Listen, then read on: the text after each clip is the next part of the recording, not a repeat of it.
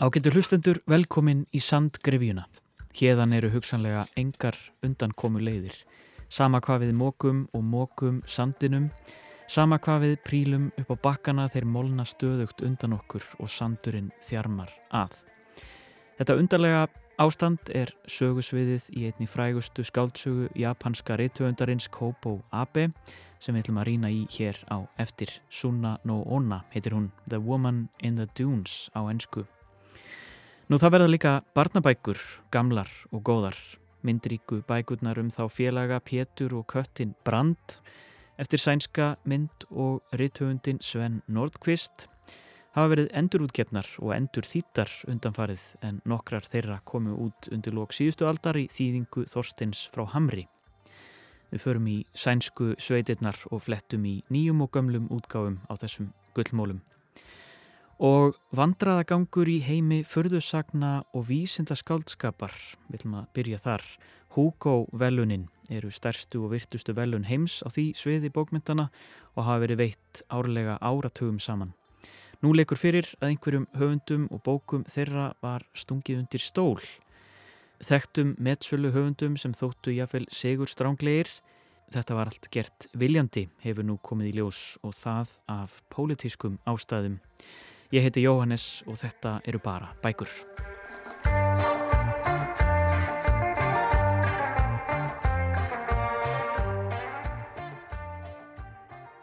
Það gustar stundum um bókmentaverlun viða um heim og pólitísk átök setja sinn braga á framkvæm þeirra og veitingu. Fyrir skemstu var fjadrafók á bókamessunni í Frankfurt þegar veljunafitningu messunar var frestað Svo sem átt að hljóta velunin var palestínski rittuundurinn Adania Shibli fyrir skaldsöguna Minor Detail á einsku. Efni sögunar um átök Ísraels og Palestínu þótti of politíst og of viðkvæmt til að veita velun á þessum tímapunkti og því var þessu hreinlega frestað. Þetta fór öfugt ofan í marga rittuunda, útgefundur og aðra í bókmyndaheiminum sem fordæmdu ákvörunina. Ekki ósvipu staða er komin upp í heimi furðusagna og vísindaskaldskapar. Skipulegindur Hugo velununa hafa nú verið sagaðir um rítskóðun. Uppkomst um að þeir hafi hreinlega strikað ákveðina höfunda og bækur þeirra út af listum yfir mögulega velunahafa. Og þessi rítskóðun verist vera vegna hugsanlegra viðhorfa höfunda gagvart stjórnvöldum í Kína. En veluna afhendingin í fyrra 2023 var haldinn í Chengdu í Kína. Hugo velunin hafa verið veitt frá árinu 1953 og margir þekktustu vísenda skáldsagna höfundar heims hloti þau. Þar á meðal Ursula K. Le Guin, Frank Herbert, William Gibson og Philip K. Dick. Velunaflokkarnir eru þó nokkrir og í flokki skáldsagna sem gerðnan fær mesta aðtegli var það bókin Nettle and Bone sem var hlut skörpust í fyrra en hún er eftir bandaríska reytvöndin T. Kingfisher sem er skaldanabn Úrsulu Vernon.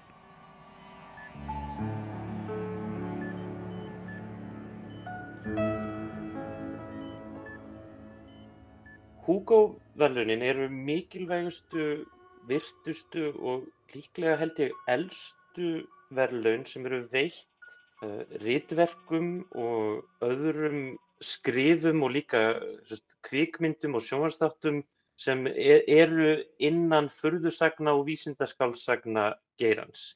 Þetta er Kári Túliníus, reytöfundur og skáld sem búsettur er í Finnlandi en hann þekkir vel til Hugo velununa. Og þau hafa verið í gangi síðan 1953 og þetta eru eina fáum velunum sem skipta máli svona peningalega upp á sölu. Eh, ég vann í bókabúð í Bandaríkjunum og þegar það var tilkynnt hverju voru tilnefndi til Hugo-verðlaunana þá kom fólk og, og leitaði upp í þær bækur og svo þegar Sigurvegarinn var tilkynntur þá rauk, rauk svo bók út alveg og þetta er, sagt, og þau sögðu mér kollega mínir þarna í, í Bandaríkjunum að, að þetta væri eina af þremur verðlunum sem hefðu virkilega áhrif á sölu eh, hin, og hinn verðlunin tvö eru sagt, Pulitzer-verlunin og Nobelsverlunin. Þannig að, að þó að þessi verðlaun séu kannski ekki nærði jafn virt eða vel þekkt og Pulitzer og Nobelsverðlaunin, þá hafa þau, þau talsveit mikil áhrif á feril þeirra sem þau, þau, um, þau hljóta. Og þau eru, hafa mjög sérstaka stöðu og, og hvernig þau eru veitt og hvernig þau eru gefin að þetta eru aðdándaverðlaun. Hver sem er, hver sem kaupir aðgang að heimsþingi vísindaskálsagna og furðursagna aðdánda sem er líka kallað WorldCon sem er, er flakkarinn um heiminn, aðdándahópar hér og þar um bara hvað sem er í heiminum geta sagt, sótt um að vera með heimsþingið bara í sinni heimabegð. Uh, til dæmis hérna í, í, í Helsingi var, var haldið heimsþingið á 2017 og allir sem eru með bara að kaupa aðgang að þinginu fá að velja, þess að tilnefna uh, hvaða bækur eða hvaða uh, höfunda eða hvaða kvikmyndir eru tilnefnar og fá svo að kjósa um það sagt, þegar það er komin út stuttlistin.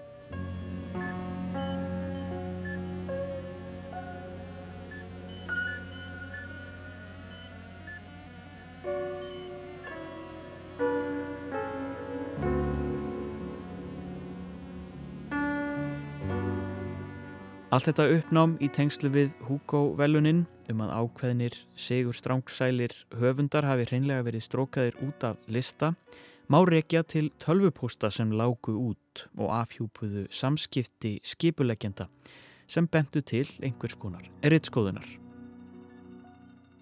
Já, þetta er eh, kannski til að fara sagt, aftur tilbaka það er, sagt, þetta er 2021 er sagt, valinn hvar heimstingi að vera 2023 og það er, er aðdándahópur í Chengdu sem er borg í Kína sem vinnur, uh, vinnur þennan, uh, þessa kostningu og það er svona strax ákveðin styr um, hérna, um þessa kostningu. Það var sagt, kínverski kostningaseðlinn, þýðingin á honum var ekki alveg rétt miða við ennska textan þannig að það var að, að deila um það hvort að það væri rétt að hafa hvort að, sérst, hvort að kostningin væri, væri gild en á endunum var það, var það hérna, uh, samþygt þannig að Chengdu fær, aðdóndahópurinn í Chengdu kemur þarna inn. Og en þeir, af því að þeir hafa aldrei haldið heimsting, þá fá þeir inn fullt af svona bandarískum og, og kanadískum og, og breskum aðdándum til þess að sjá um svona hitt og þetta sem fylgir því að halda heimstingið og meðal annars uh, fá þeir uh, mann sem heitir Dave McCarthy sem verður svona aðal aðalfígúra í þessu öllu til að sjá um eða hafa umsjón með kostningunni fyrir Hugo-velunin og það er svona ímislegt svona skrítið svona í aðdráanda kostningarinnar, það er svona fyrsti tilnefningarlistin, dregin strax tilbaka út af því að, að hérna, það er sagt að það hefur bara verið, verið vera sendt út sagt, uh, bara svona pröfulista fyrir mistök. En, en já, en þó kemur það má vera einn rétti tilnefningalisti og það vekur strax það vekur strax aftikli að er það eru fáir sérst, kynverskir höfundar á honum. En, en það er svona, það er fólk svona skýðið það með því að bara þetta hafi verið þá aðalega að kynverskir aðdöndur hafi ekki eh, tekið jafn mik mikla þátt í kostningunni og vestrænir aðdöndur sem voru að sækja, að sækja heimstingið og svo er, er, er aðdöndin haldinn og það er venjulega þá er, og það er í sérst, lögum sérst, félagsinn sem, sem, sem uh, heldur þessu heimstingi gangandi. Í lögum félagsins er sagt að það þurfa að gefa út tölfræði yfirlitt yfir hérna, kostninguna til húkavelunarina. Um hverjir, hvað, hvað mismunandi verkhafi og, til, og, og tilnefndir aðlar hafi fengið mörg, mörg atkvæði, hvaða verkhafi fengið tilnefningar en ekki verið ekki komist inn á stuttlistan og, svona, og, og svo framvegis og þetta venjulega er, er þetta gefið út bara samdægurs eða kannski mestalagi viku setna mm -hmm. en, en uh, Dave McCarthy þessi segir að þetta sé vegna svona þýðingar örðuleika þá, þá tefjist þetta eitthvað og endanum það þetta ekki gefið út fyrir þremur mánuðum setna uh, í janúar af þessu ári og það fyrsta sem bara fólk rekur augun í þegar það skoðar þessi, uh, þessa tölfræði, þetta tölfræði yfirlit er að það er búið að stróka stróka út nokkra höfunda án skýringa og það næsta sem fólk rekur augun í er að útreikningarnir stemmi ekki. Þannig að þetta eru bara fjöldi atkvæða stemmir ekki milli, milli þetta er, að þú hefur svona atkvæði sem, sem svona þegar, ef það dettur út það sem ást kaust þá fer atkvæðið svona annað, svona svolítið eins og forvali. Hérna í svona uh, forva, uh, forvali til svona stjórnmálaflokka á Íslandi og hérna og þetta, og þetta bara stemmir ekki útreikningarnir. Og fólk fer, fyrst er þetta nú fyrst bara einhverjir, einhverjir svona áhuga, áhuga mennum tölfræði sem verður að skoða þetta og þeir fara að, að bara spurja Dave McCarthy hvað sé í gangi og hann svara eiginlega bara með skætingi og segir bara ég er bara fylgd öllum reglum og þetta er bara, ég bara gerði það sem ég held, held að vera rétt og sko höfundar sem hafa verið teknir út, eitthvað sem frægastur er, er Neil Gaiman. Að, að, að þáttaröðin sem, sem var gerð eftir teiknumdasögunum The Sandman sem ákveðat Netflix gerði það, það hefði verið strókað út líka. Og hann er að spyrjast fyrir og, og hann fær heldur engin svör frá, frá Dave McCarthy. Og síðan fara fjölmiðlar svona eins og The Guardian fara að, að, að pæli í þessu og það er svona hann, hann svarar nú kannski þeim ekki með skætingi en hann svona, það gefur engin, engin svör. Og svona er þetta bara svona að matla svolítið, svolítið tíma þangan til fyrir hvað viku eða tíu dögum síðan þá sérst, legur aðstöðarkona Dave McCarthy sem heitir Diane Lacey legur tölvupostum sem höfðu farið millir hennar og annarar konu sem var líka aðstofar, sem var, var líka aðstofað Dave McCarthy, The Cat Jones tölvupóstin sem fór þeim á milli þar sem kemur í ljós að þau höfðu upp á sitt einstæmi að því virðist tekið það að sér að rítskoða bækur sem að þau heldu að myndu kannski fara fyrir brjóstið á kínmöskum yfirvöldum.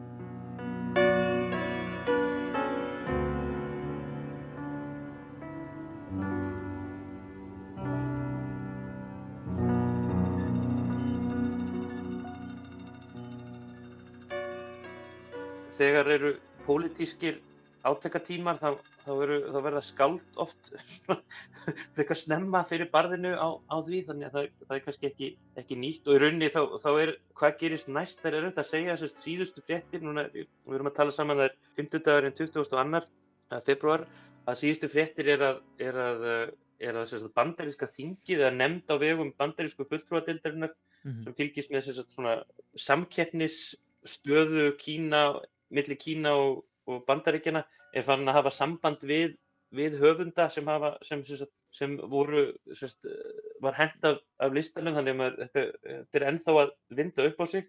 En þegar ég hugsa sko um bara pólitík og verðlaun, þá eru verðlaun eru einn af svona fáum, sé tækifærum almennra fjölmiðla til að fjalla um bókmyndir. Af því að núna er, eru yfirleitt bókmyndarínar og, og svona bladamenn sem sér af þessi menningu sem fjalla um bókmyndir mm -hmm. en þegar það eru verðlaun þá eru þá fá þetta svona, þú veist, þá er þetta, kemur þetta í sjónvarp og fer svona í, í svona fréttinnar og þá er það oft þannig að sko skipulegjendur eins og í, í, í tilfelli húkavelununa og kannski líka í tilfelli hérna bókmyndavelununa á Frankfurt fara að hugsa um bókmyndir sem pólitíska sem pólitískar yfirlýsingar. Og og nú, ég, nú eru auðvitað til höfundar sem eru pólitískir en flest skáld eru ekki mikið að hugsa um pólitík þegar þau eru að semja og þar að leiðandi þá, þá eru höfundar yfirleitt ekki mjög tilbúnir eða bara yfirleitt svona ekki, svona veit, veit ekki hvað á sig stendur veðrið þegar svona gerist. Mm. Þannig að ég held að bókmentir og bókmyndavelun séu svona frekar viðkvæm akkurat fyrir pólitískum sviftingum þannig það er ekki skrítið að þegar það eru svona, á pólitískum tímum þá er það oft bókmyndavellunin sem, sem fá svona fyrsta höggið. Já, við sjáum hvað settur. Takk kærlega fyrir Kári Túlinius fyrir að fara aðeins yfir þessi mál og við látum tíman sjáum að leiða þetta allt saman í ljós og vonum bara að þetta eh, skýrist og hafi ekki slæm áhrif á, á Hugo velunin Takk hjá það fyrir spjallið og bestu hverjir út til Finnlands. Takk fyrir.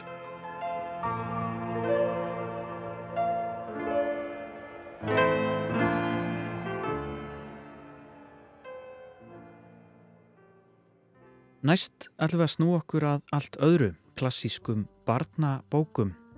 Við ætlum að fara í sænsku sveitina.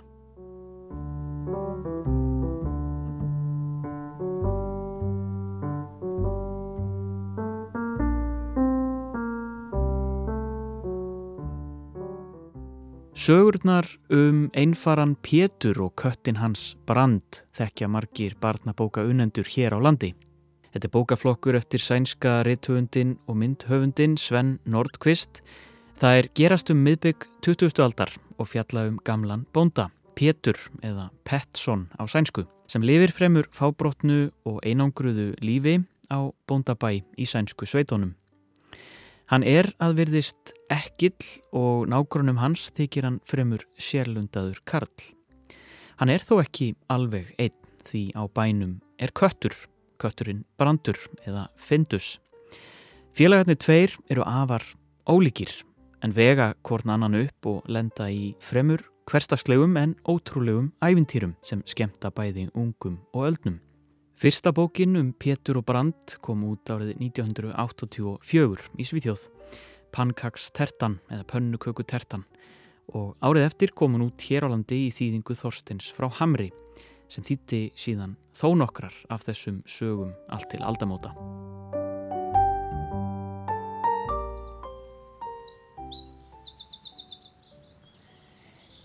Einu sinni var Karl. Hann hétt Pétur og átti kött sem kallaður var Brandur. Þeir byggu í litlu húsi með skemmu, hænsnahúsi, eldi við að skílu og gardi. Allt í kring voru akrar og engi og skamt frá var skóurinn. Ímsir held við fram að Pétur var í vittlaus. Fólk segi nú svo margt og stundum er ekki gott að vita hverju maður á að trúa. Raunar var hann dáliti viðutan og gleimin hann Pétur gamli og ekki eins og fólk er flest þegar hann var á röldi og skrafaði við köttin. Það hefði ekki komið að sög ef saga Gústa hefði ekki bætt gráu ofan á svart. Sagan um pönnukökudegið hans Péturs. Hvernig hann klifraði yfir þakið til að komast út í búð og batt gluggatjöld í rófuna á gettinum. Þetta hafði Gústi sjálfur séð svo það hlaut að vera dagsatt. Er það ekki vittles maður sem svona haga sér? Þetta byrjaði allt saman á afmælinu hans Brands. Brandur átti afmæli þrísvar ári, það var skemmtilegra þannig. Og alltaf þegar Brandur átti afmæli, bakaði Pétur pönnukökutertu handónum. Sigurlaug Margret Jónasdóttir las hér upp úr barnabók Sven Nordqvist Pönnuköku tertan um þá félaga Pétur og köttin Brand sem flutt var hér í Ríkisútarpunu 1995. En svo fyrir segir þýtti Þorstedt frá Hamri þessar fjörugu barnasögur og nú hafa bækurnar fengið endur nýjun lífdaga hér á Íslandi því ný bókaútgáfa, Kvistur, hefur á undarförnum árum staðið í endurútgáfu á bókunum, bæði gömlum bókum í nýjum þýðingum og áður óþýttum bókum. Það er Ásta Haldóra Ólafstóttir sem er höfuð og herðar í útgáfunni Kvistur sem er jáfnframt þýðandin.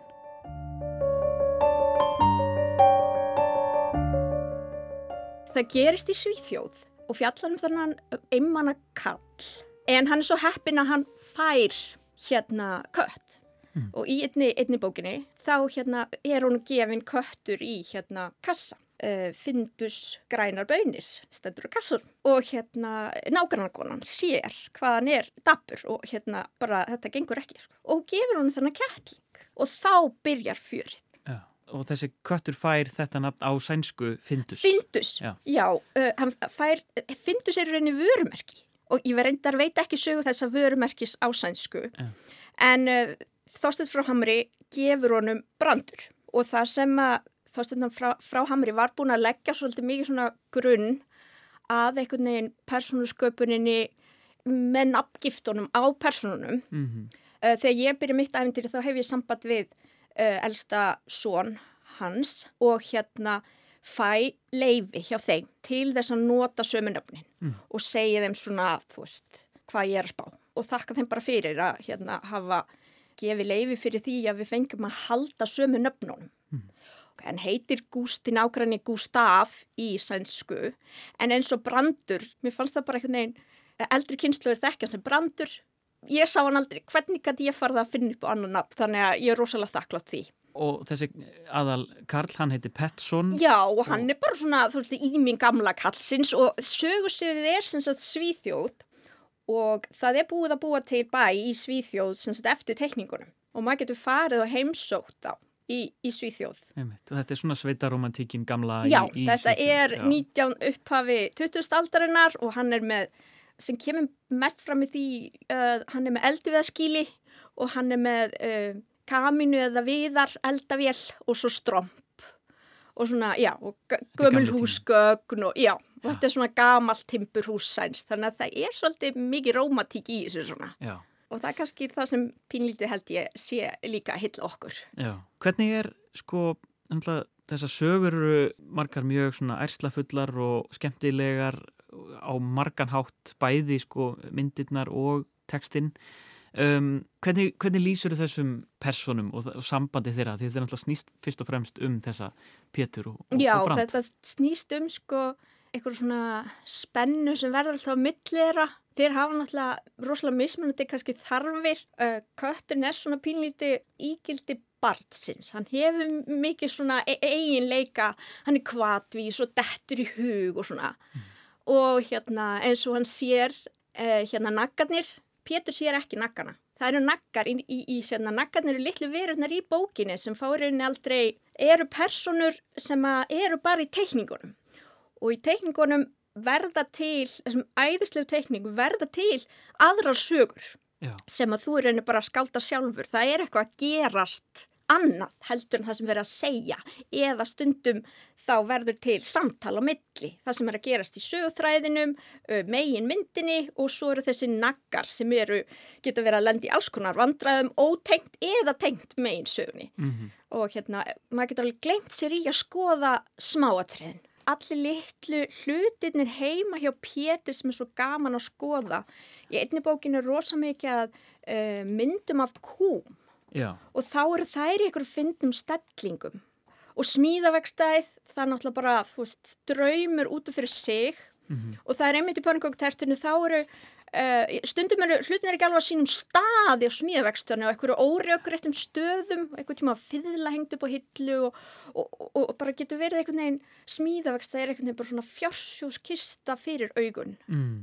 Þetta er svona það sem innanhús arkitekta myndu örgulega kalla sko maximalisma. Svona, það er mikið að dóti. Hann, hérna Sven Norkvist, uh, fjekk ekki inn uh, uppaflega í hérna teikni, þegar hann sótti um að, að læra myndlist og teikningu og hann fór og lærði arkitekt Ah. og var held ég lektor í, í, og kennari í því og svo 1983 vann hann hjá Opali og þá, þá hérna fóru hlutinir að gera til hann. Þannig að hann er kannski fyrst og fremst uh, myndhöfundur og, og, og teiknari, eða bæði senn náttúrulega. en- Já, ég held bara hann hafi, ég var þetta að hlusta á sko, þá var verið að spyrja hann hvernig hann inn í bækurnar og, og þú veist, þessi saga er náttúrulega textin er líka hans og þá held ég að svo vinna sé aðeins öðruvísi heldur en þegar hann er. Svo hefur hann hérna myndskreitt mömmu mögubækurnar sem við fengum tvær þýðingar hérna 91 eða 2 Já. Þóra en Þór- Þóra en Aldjárn þýtti eina mömmu mögubók fyrir okkur. Og, og það eru Sven Norkvist myndi líka. Og það finnst mér alltaf að vera svona, það eru sama broti og þessi þessar bækur og það alltaf að vera svona einhvern veginn sístra bækur en það ertu komið annan textahöfund. Þorbjörg Karlsdóttir starfaði lengi á borgarbókasafninu í Grófinni og hafði umsjón með barnadeildinni. Hún man vel eftir sögunum um Pétur og Brand og vinseldum þeirra í þýðingu Þorsteins frá Hamri. og þá kynntist maður náttúrulega fullt af bókum og skemmtilegum bókum og sem hafa var að reyna að koma framfæri en þegar ég var í borgarbókasafni þá voru bækurnar um hann Brand og Pétur um þá Brand og Pétur þær voru eiginlega ekki til sko, þær voru bara búnar algjörlega Já. en um, ég hjekk á nokkrum eintökum sem voru eiginlega ekki útlánshæf en ég geymdi þær svona til hliðar. Og ef einhver bað um þær þá fenguðu þær bækurnar afhendar en þetta var eiginlega ekki sko bækurnar voru eiginlega ekki bóðilegar til lesturs það voru svo illa farnar. Já. en þetta eru dásamlega bækur. Og ef að ég sé þar einhver staðar á goða hyrðinu með einhver starf þá kaup ég. Já. En þetta er náttúrulega eins og með barnabækur að þær eru sem betur fyrir lesnar þannig að þær bara tætast í sundur og eðast og sem betur fyrir en stundum er það líka sorglegt Já. þegar bækunar eru skemmtilegar. En þetta eru svona bækur sem eldast, það eldast ekkert allar bækur vel en þessar eldast.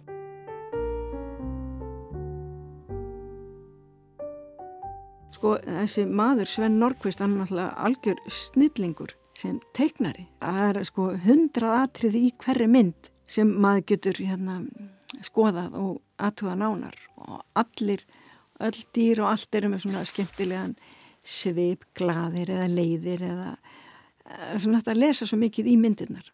En aðalsögurnar eru náttúrulega alltaf um þessa, uh, þessa tvær personur, það er Pétur já, og Brandur. Petson og Findus. Afinn og barnabannið, segir einhver. Afinn og barnabannið og einmanna Karl er kannski einhvern veginn hljómar eins og ek ekki eins og söguefni fyrir barnabækur en þarna verða, verður ótrúlega skemmtileg dýnamík melli þessara persóna. Hvernig lýsur þau þessum, þessum persónum? Kötturinn er náttúrulega svona svolítið, svolítið grallari og, og hérna gerir ímis, svona skammastrygg og gerir ímislegt sem hann má ekki en samt sko Pétur fyrirkifar honum allt mm. og hann gerir líka Pétur svona hinn og þessi mistök og, en þeir eru svo þeim þykir svo vænt hvernum annan mm. Hvað gerir þessa, þetta sögusvið svona skemmtilegt og spennandi? Það, það er vináttan hvað þeir eru, eða finnst mér svona, hvað þeir eru fallega eða það, þeir eru svo miklu vinir mm.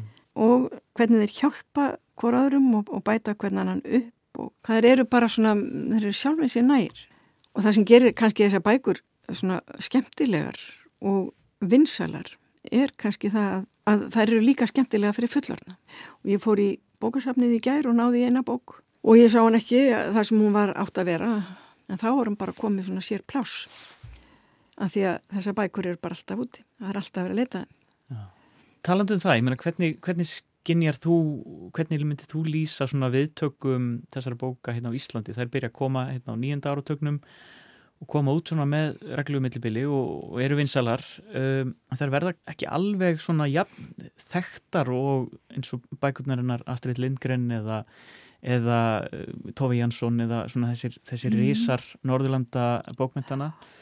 Annar staðar í Evrópu er hann sko alveg gríðarlega vinsæl.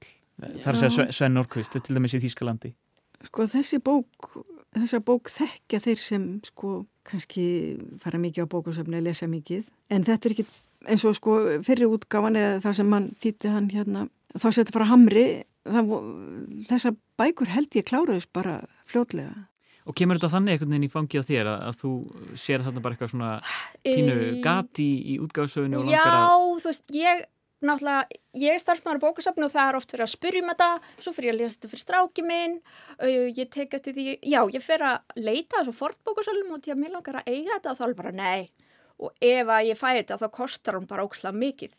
Þannig að já, svo bara heitlaði strákurinn minn gjörsamlega þessu og hérna e, við byrjum bara að skoða myndirnar og einhvern veginn og, og svo hefur þetta bara alltaf verið pínlítið svona draumur hjá mér að vinna við bókaútgáfi og mm. það er ekki mikið verið að auðvisa störf í bókáttgáðu þannig að bara annarkvært gerir það eða sjálfur það bara eins og Íslandika gera allt Já, hvernig hugsað þú um gömlu þýðingarnar? Þú veist, þú, þú, varst, þú varst ekki á þeim aldrei að, að, að þegar það voru að koma út þarna fyrst Nei Það væru svona þínum radar en, en... Nei, ég bara mist alveg að þeim og, og tótt ég í sískinni sem ég hefði mögulega gett að lesa það fyrir voru þarna ég reynir bara að kynast þeim á, bara í minni, gegnum mína vinnu sko.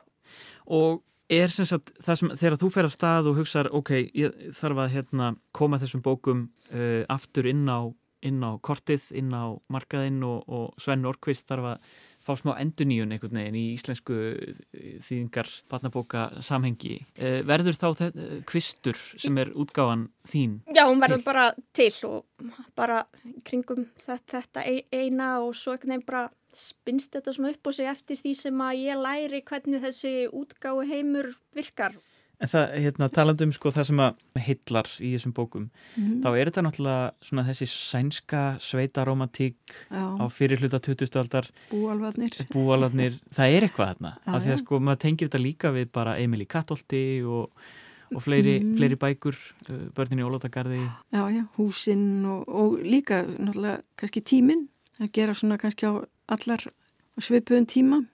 Eða samt eru þær alveg tímalösa það sé enginn farsím og allt svo leiðis Já, það er þetta sko kattholts tímabil að gerast Það er einhver æfintýra heimur hann Já, já, og öll litlu kveikindin sem er í bókinni, hérna, bókunum um Pétur og, og Brand þau hafa öll einhver, einhvern svip og einhvern karakter. Þau eru öll með, þau eru öll að gera eitthvað sko. hænurnar eru að prjóna ég að fá sér kaffibólla setjand á egginum og mm. No. þannig að það er endalust að lesa í þessar bækur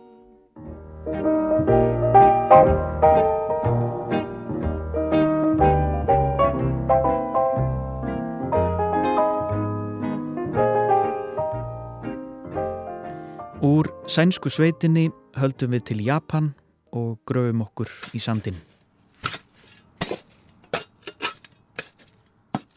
Við erum innleiksa í sandöldunum.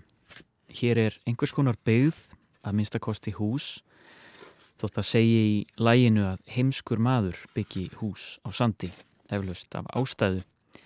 En hér erum við að minnstakosti ofan í grefju og allt í kringum okkur, heiminn háir, sandskablar og enga undankomu leið að finna.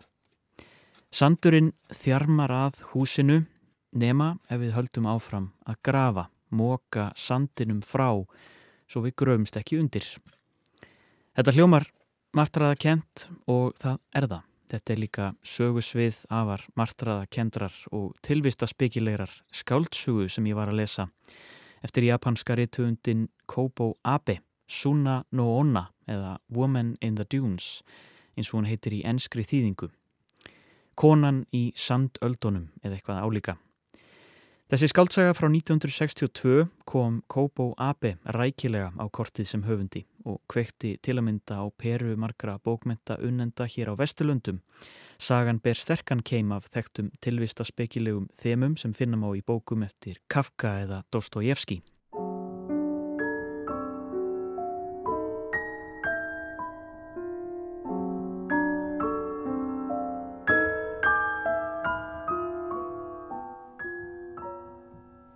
Kobo Abe er skáldanabn Kimi-Fusa Abe sem fættist 7. mars 1924 og lést í byrjun árs 1993. Hann hefði því orðið aldar gamall nú um þessar mundir. Abe var afskaplega fjölhæfur listamæður sem hóf ferilsinn á ljóðagerð en snýri þó fljótlega frá henni og fór að skrifa leikrit og skáltsugur. Hann lagði líka stund á tónlist og ljósmyndun The Woman in the Dunes frá 1962 vakti strax mikla aðtegli og náði langt út fyrir heimalandið í Japan. Hún var þýtt á 20 tungumál og gerð var eftir henni kvikmynd í leikstjórn Hiroshi Teshigahara sem vakti ekki síður aðtegli með ógleimalegri tónlist Toru Takemitsu en við heyrum tónlist eftir hann hér undir. Kobo Abe hefur gjarnan verið líkt við Frans Kafka fyrir móternískan stíl sinn og áherslu á hið ókennilega og martraða kenda. The Woman in the Dunes segir frá Nikki Jumpei. Hann er ástríðu fullur áhuga maður um skortýr og ferðast út fyrir borgina í leitað sjálfgæfum bjöllum. Hann er komin á eidilegar slóðir, hálfgerða sandauðn og þegar kvöldatekur og Jumpei áttar sig á að hann hefur mistað rútunni í bæin eru góður á dýr og hann letar skjóls í dularfullu þorpi sem er hálf grafið ofan í sandöldur. Þar kynist hann fólki sem vil gjarnan hjálpa þessum flökku manni. Þegar hann vaknar daginn eftir er kaðalstígin sem hann fór niður horfin. Ofan í grifjunni er rörlegt hús og þar hefst við ung kona sem er óvíst hvort búiðar eða sé först þar eins og Jumpei. Ég fór á fund Brynju Hjálmstóttur skálds en hún þekkir vel til verka Kobo Abe en sá áhugi byrjaði í gegnum kvikmyndinar. Sko ég kem að Kobo Abe fyrst í gegnum kvikmyndinar sem að um, Hiroshi Teshigahara gerði sem að eru hérna, The Woman in the Dunes og Face of Another. Face of Another er ein af sannlega tveimur uppáhaldskvikmyndum mínum í heiminum og ég held að það sé ekkert, ég ætla bara að fullera það, að hvergi í heimi sko bókmynda og kvikmynda hefur verið gjöfulla samstarf en á milli þessara tvekja listamanna. Hér, sko, Tessika Hara, hann bara skilur þessa bækur og bækurnar eru bara efnið í stórkostuleg kvikmyndaverk. Mér finnst svona jafnvel að því að ég sagt, spá mikið í kvikmyndu líka sko að þær séu sko jafnvel sterkari á sum, sum hann hátt sko mm -hmm. en ég byrjaði að horfa á þessar tvær kvikmyndir Face of Another og Woman in the Dunes og svo las ég bækurnar eftir á það er samt líka náttúrulega alveg allt öðruvísi upplifun og það verður líka svona hérna það sem er kannski svo skemmtilegt að þetta er svona svona krassandi existentialismi þetta eru bara svona hugsana tilraunir smá mm -hmm. og hérna ég hef aldrei stúdira sko, heimsbyggi eða neitt svoleiði sko. ég fór í einn heimsbyggi kurs í háskólanum og þá var vissulega rætt um Woman in Dunes og hérna yeah. bókina og kvikmyndina og það hérna það er eitthvað svona sem er svona skemmtilega svona, svona líkur við að segja eitthvað svona hérna svona pervertist eða svona þessi mikla forvitni á svona sóðarlegur hlutum sko mannskjöfnunar eða svona, þú veist, svona það sem við viljum fela. Mm. og við viljum einhvern veginn flýja undan öllu sem er óþægilegt eða svo leiðis og, og hérna, og hann fer alltaf lengst inn í það sem er óþægilegt. Mm, Fyrst sá ég eitt Face of Another sem fjallast um uh, mann sem er afmyndaður í andlitinu, nú allir með sárabindi og hann fer til svona hérna læknis sem að sem að býr til svona ótrúlega raunsæða grímu og hann getur þá í raun og veru leikið hann sé annar maður og hann fer að gera alls konar svona tilraunir með þetta hann, hann fer út í bæ og hann fer og reynir við eiginkonu sína og, og reynir að táldraga hana sem þá annar ja. maður og, og þetta svona eru mikla vangaveltur um einmitt veist, hlutverkið sem við spilum á hverjum degi og, og hérna og hvað er að vera einstaklingur eða svona þetta er hérna mjög, á mjög svona fróðlega og skemmtilegan hátt og svo tengist þetta allt, það er alltaf svona lítill undirteksti hjá honum sem er raun og veru Nagasaki, Hiroshima Nagasaki og, hérna, og sko slisin sem að urða á fólki og fólk afmyndaðist og, og þannig að það er líka það er líka það, það er líka svona pólitískur undirteksti í því sko já, já. og hérna og svo var það eiginlega meira í gegnum kannski Woman in Dunes þar sem að vaknaði meiri áhuga á en á sko Kobo Abe og þessu svona mm hjá mér sko, þannig að þá las ég hana og svo las ég líka bók sem að, einmitt heitir The Box Man sem að er, það er perralegasta bókin sko, en það er svona um mann sem að er bara hérna, vil bara vera í, í kassa. Mm -hmm. og hérna og, og það er hann einmitt, hann svo hrættur við umheimin eða svona, og það svona svo bók er ofsalega skemmtilega skrifuð og hún gerist einhvern veginn bara inn í hausnum á þessu manni og einhvern veginn inn í kassanum og hann útskýrir einhvern veginn hvernig kassin virkar, hvernig hann getur einhvern veginn svona gert hinn og þessar hluti inn í kassanum.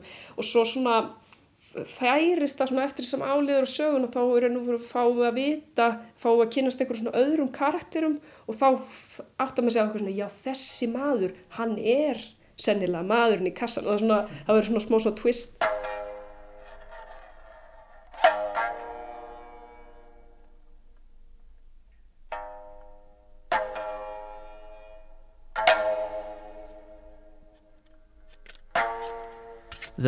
in the Dunes með öllum sínum sandmokstri líkist mjög góðsögunni frægu um Sísifus sem dæmdur var af guðunum til að velta þungu grjóti upp fjálslíð aðeins til þess að horfa á hann rulla niður á jafnsléttu og hefi allt þrekið upp og nýtt til eilvíðar. Myndlegging sem varð absurdistanum og tilvistaspekingnum Albert Camus, mikill innblástur sem sá hið tilvistalega ástand Sísifusar sem hliðstæðu við okkar eigin tilgangslösu ringavittleysu lífsins. En komst að þeirri niðurstöðu að með því að gera uppreist gegn tilgangsleysinu finnu við lífsfyllingu og tilgang með því að sjá fyrir okkur skælbrósandi sísifus að refsingin sé óumflíjanleg en uppreistnin slær vopnin úr höndum refsarans. Lífið er refsing, lífið er bastl en við eigum að berjast Kobo AB stillir upp sandbingnum sem sömu endur tekningasömu yðjunni og stöndu við frammi fyrir spurningunni til hvers erum við að þessu. Á Jumpei að láta sandin grafa sig og konuna levandi eða berjast þar til kaðalstígin húrar loksind niður og hann getur horfið til fyrra lífs sem skordýra sapnarinn áhuga sami sem er þó kannski bara alveg jafn tilgangslust þegar á hólmin er komið. Eða er einhver nýr tilgangur í öllum sandmokstrinum Samband Junpei við konuna gerir þessar spurningar flóknari. Hún virðist sjá tilgang með mokstrinum eða í það minsta enga aðra leið færa til þess að halda sér á lífi og mögulega halda á lofti einhverji minningu um fyrra líf í þessu húsi með eigimanni og barni sem óvist er hvernig hörfu.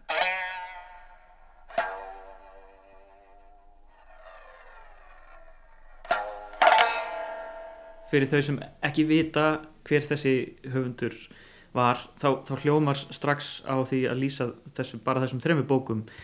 Þetta er rosalega tilvistalegt allt saman. Og, og snýst allt um sko annarkvort uh, algjöra einangrun og svona uh, já, horfa inn á við bara alveg í flóknustu sambund okkar við bara einn tilveru en líka svona þessi hva, hver erum við út á við þá og svo í augum annara og, og, og svona okkar sjálfsmynd og svona.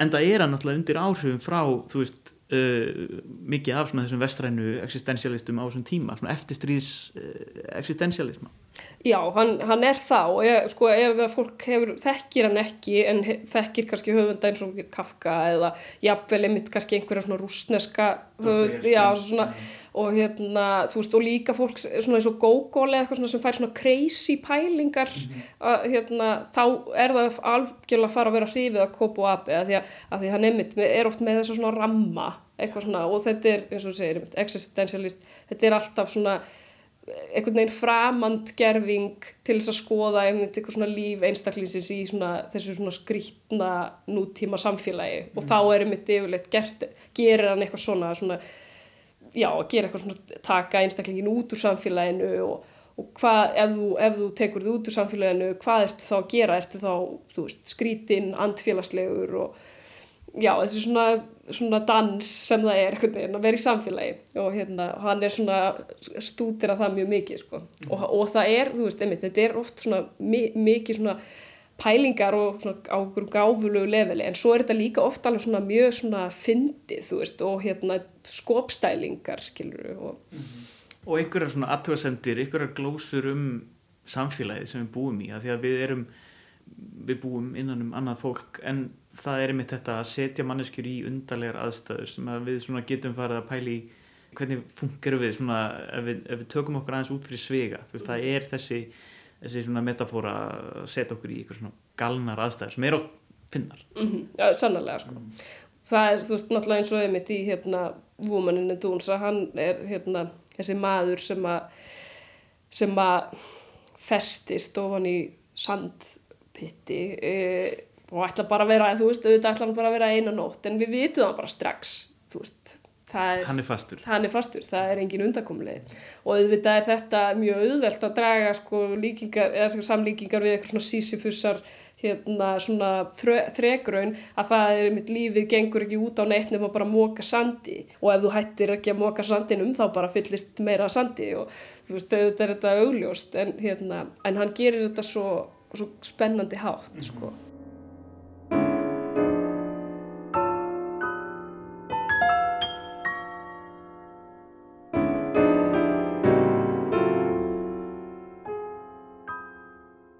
En kannski mesta svona uh, dramatíkin, mestu svona, uh, já, svona vendingarnar í öllum þessum tilvistilegu pælingum og þessari, þessari tákgrænu sögu, það eru samskiptin við þessa konu í sandöldunni, sandhólunni uh, hún er líka fangi. Já, sannarlega. Og það er svona þú veist, þegar hann kemur inn og, og er með henni þá fer hann að átta sig á einmitt þessum svona lögmálum sem gilda í þessum heimi sem að eru svona, þú veist, það eru, alls, það eru svona reglur einmitt og, og þá er það einmitt líka hérna, eins og sérstaklega hún er mjög svona henni mjög umhugað um þessar reglur. Og þá er það spurningi líka einmitt hvort að það sé sko einhver hérna bara svona sjálfskipað eða hvort að það sé eitthvað svona utanakomandi og hérna og reglurnar eru svo skrítnar og afstæðar veginn. Og þá hérna sem mann sjálfsögðu svona býr til eitthvað svona samlíkingu milli þessar svona samfélagsins að þú veist, það er alltaf þessar óskruðu reglur sem við erum alltaf að einhvern veginn að reka okkur utan í og við vitum ekki nákvæmlega hvernig hlutinni virka og við erum alltaf að þykjumst kunna það. En svo veit kannski enginn hvað hann er að gera. Mm -hmm, mm -hmm. Og líka einmitt þetta með uh, já, þetta af hverju við erum að móka, því hún er alltaf að móka hverjum einsta degi uh, sandi sem er síðan sendur einhvert uh, og er seldur eða, eða sett í eitthvað, eitthvað, eitthvað framleiðslu mm -hmm.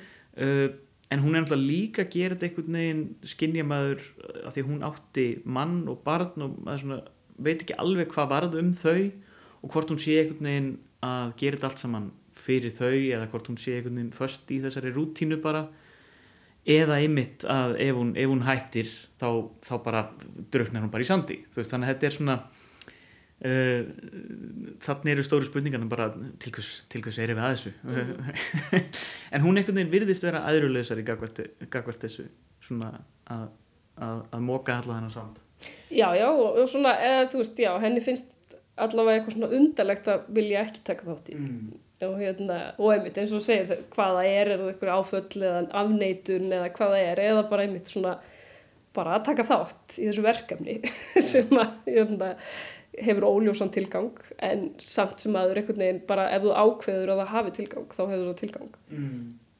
og því hún nefndi líka Hiroshima Nagasaki þá uh, ég hugsaði mitt um það þegar ég setti þetta svona í samhengi þennan höfund og þessa bók að því að þarna er náttúrulega bara auðnin mm. og, og hug, þá hugsa maður auðvitað eðilegging og, og, og svona þannig að það er líka þessi sögulegi svona uh, sögulegu svona þingsl og tráma undirlíkjandi í bókunum hans kannski flestum. Já, alveg tumalust og það er mitt svona eins og í, í hérna Face of Another að þá er svona aðalpersonan sem að er mjög ógeðfældu maður eða svona það skal alveg vera skýrt að hérna hann um, er ég mitt afskræmdur og það er ekki, ekki kjölfarsko hérna sprengjunar. En hann er svona mjög upptikinn af hérna það er svona saga inn í sögunni sem er kvikmynd. Þess að í bókinni þá er það kvikmynd sem hann er að horfa á sem er um stúlku sem er mitt svona annar hluti andlit sem hann hefur svona afskræmst. Og hérna og ég held að það sé kannski gefið í skín frekar en það sé alveg skýrt að það sé eftir sagt, spröngina og hérna og, þa og þá er þetta einmitt hérna þetta keirir upp svona þessar þessar hugmyndir um sjálfsmyndina og, hérna, og skattaða sjálfsmyndi og, og svona þjóðar tráma mm. Það er alltaf veginn, svona, það er ekki alveg svona fremst í textanum en það er alltaf í, finnst mér mm. Uh, kannski bara lókum mm. þessi bók uh, Woman in the Dunes er sko bókin sem kom Kobo Abe alveg á kortið á, í vestrænum bókmyndahimi Ertu með eitthvað svör? Kannski ekki, þú veist ekki af hverju hann er góður íttöfundur heldur bara svona þín persónlega Veist, veistu hvaða er sem, sem þú sem þið líkar við hann? Bara svona persónulegt. Svona persónulega þá held ég að segja alltaf fyrir mig að ég hef svo opbúslega gaman af einhverjum svona gáfulegum vangaveltum í bland við eitthvað sem er skemmtilegt. Mm. Og mér finnst þónum alltaf takast það svona hérna að skemmta en líka kafa. Og hérna og í þessum bestu bókum hérna Woman in Dunes, Face of Another og svo er The Boxman, kannski ekki alveg jafn góð bók en hún er líka mjög góð að hérna þá finnst mér þetta takast svo skemmtilega. Og svona þetta text, hann er alltaf að líka koma manni svolítið í opnaskjöldu sem er alltaf það sem maður vil láta koma sér óvart bara Höfum það lóka árið, ég ætla að fara að lesa meira Kobo og Abi, mm. takk fyrir spjalli Takk fyrir spjalli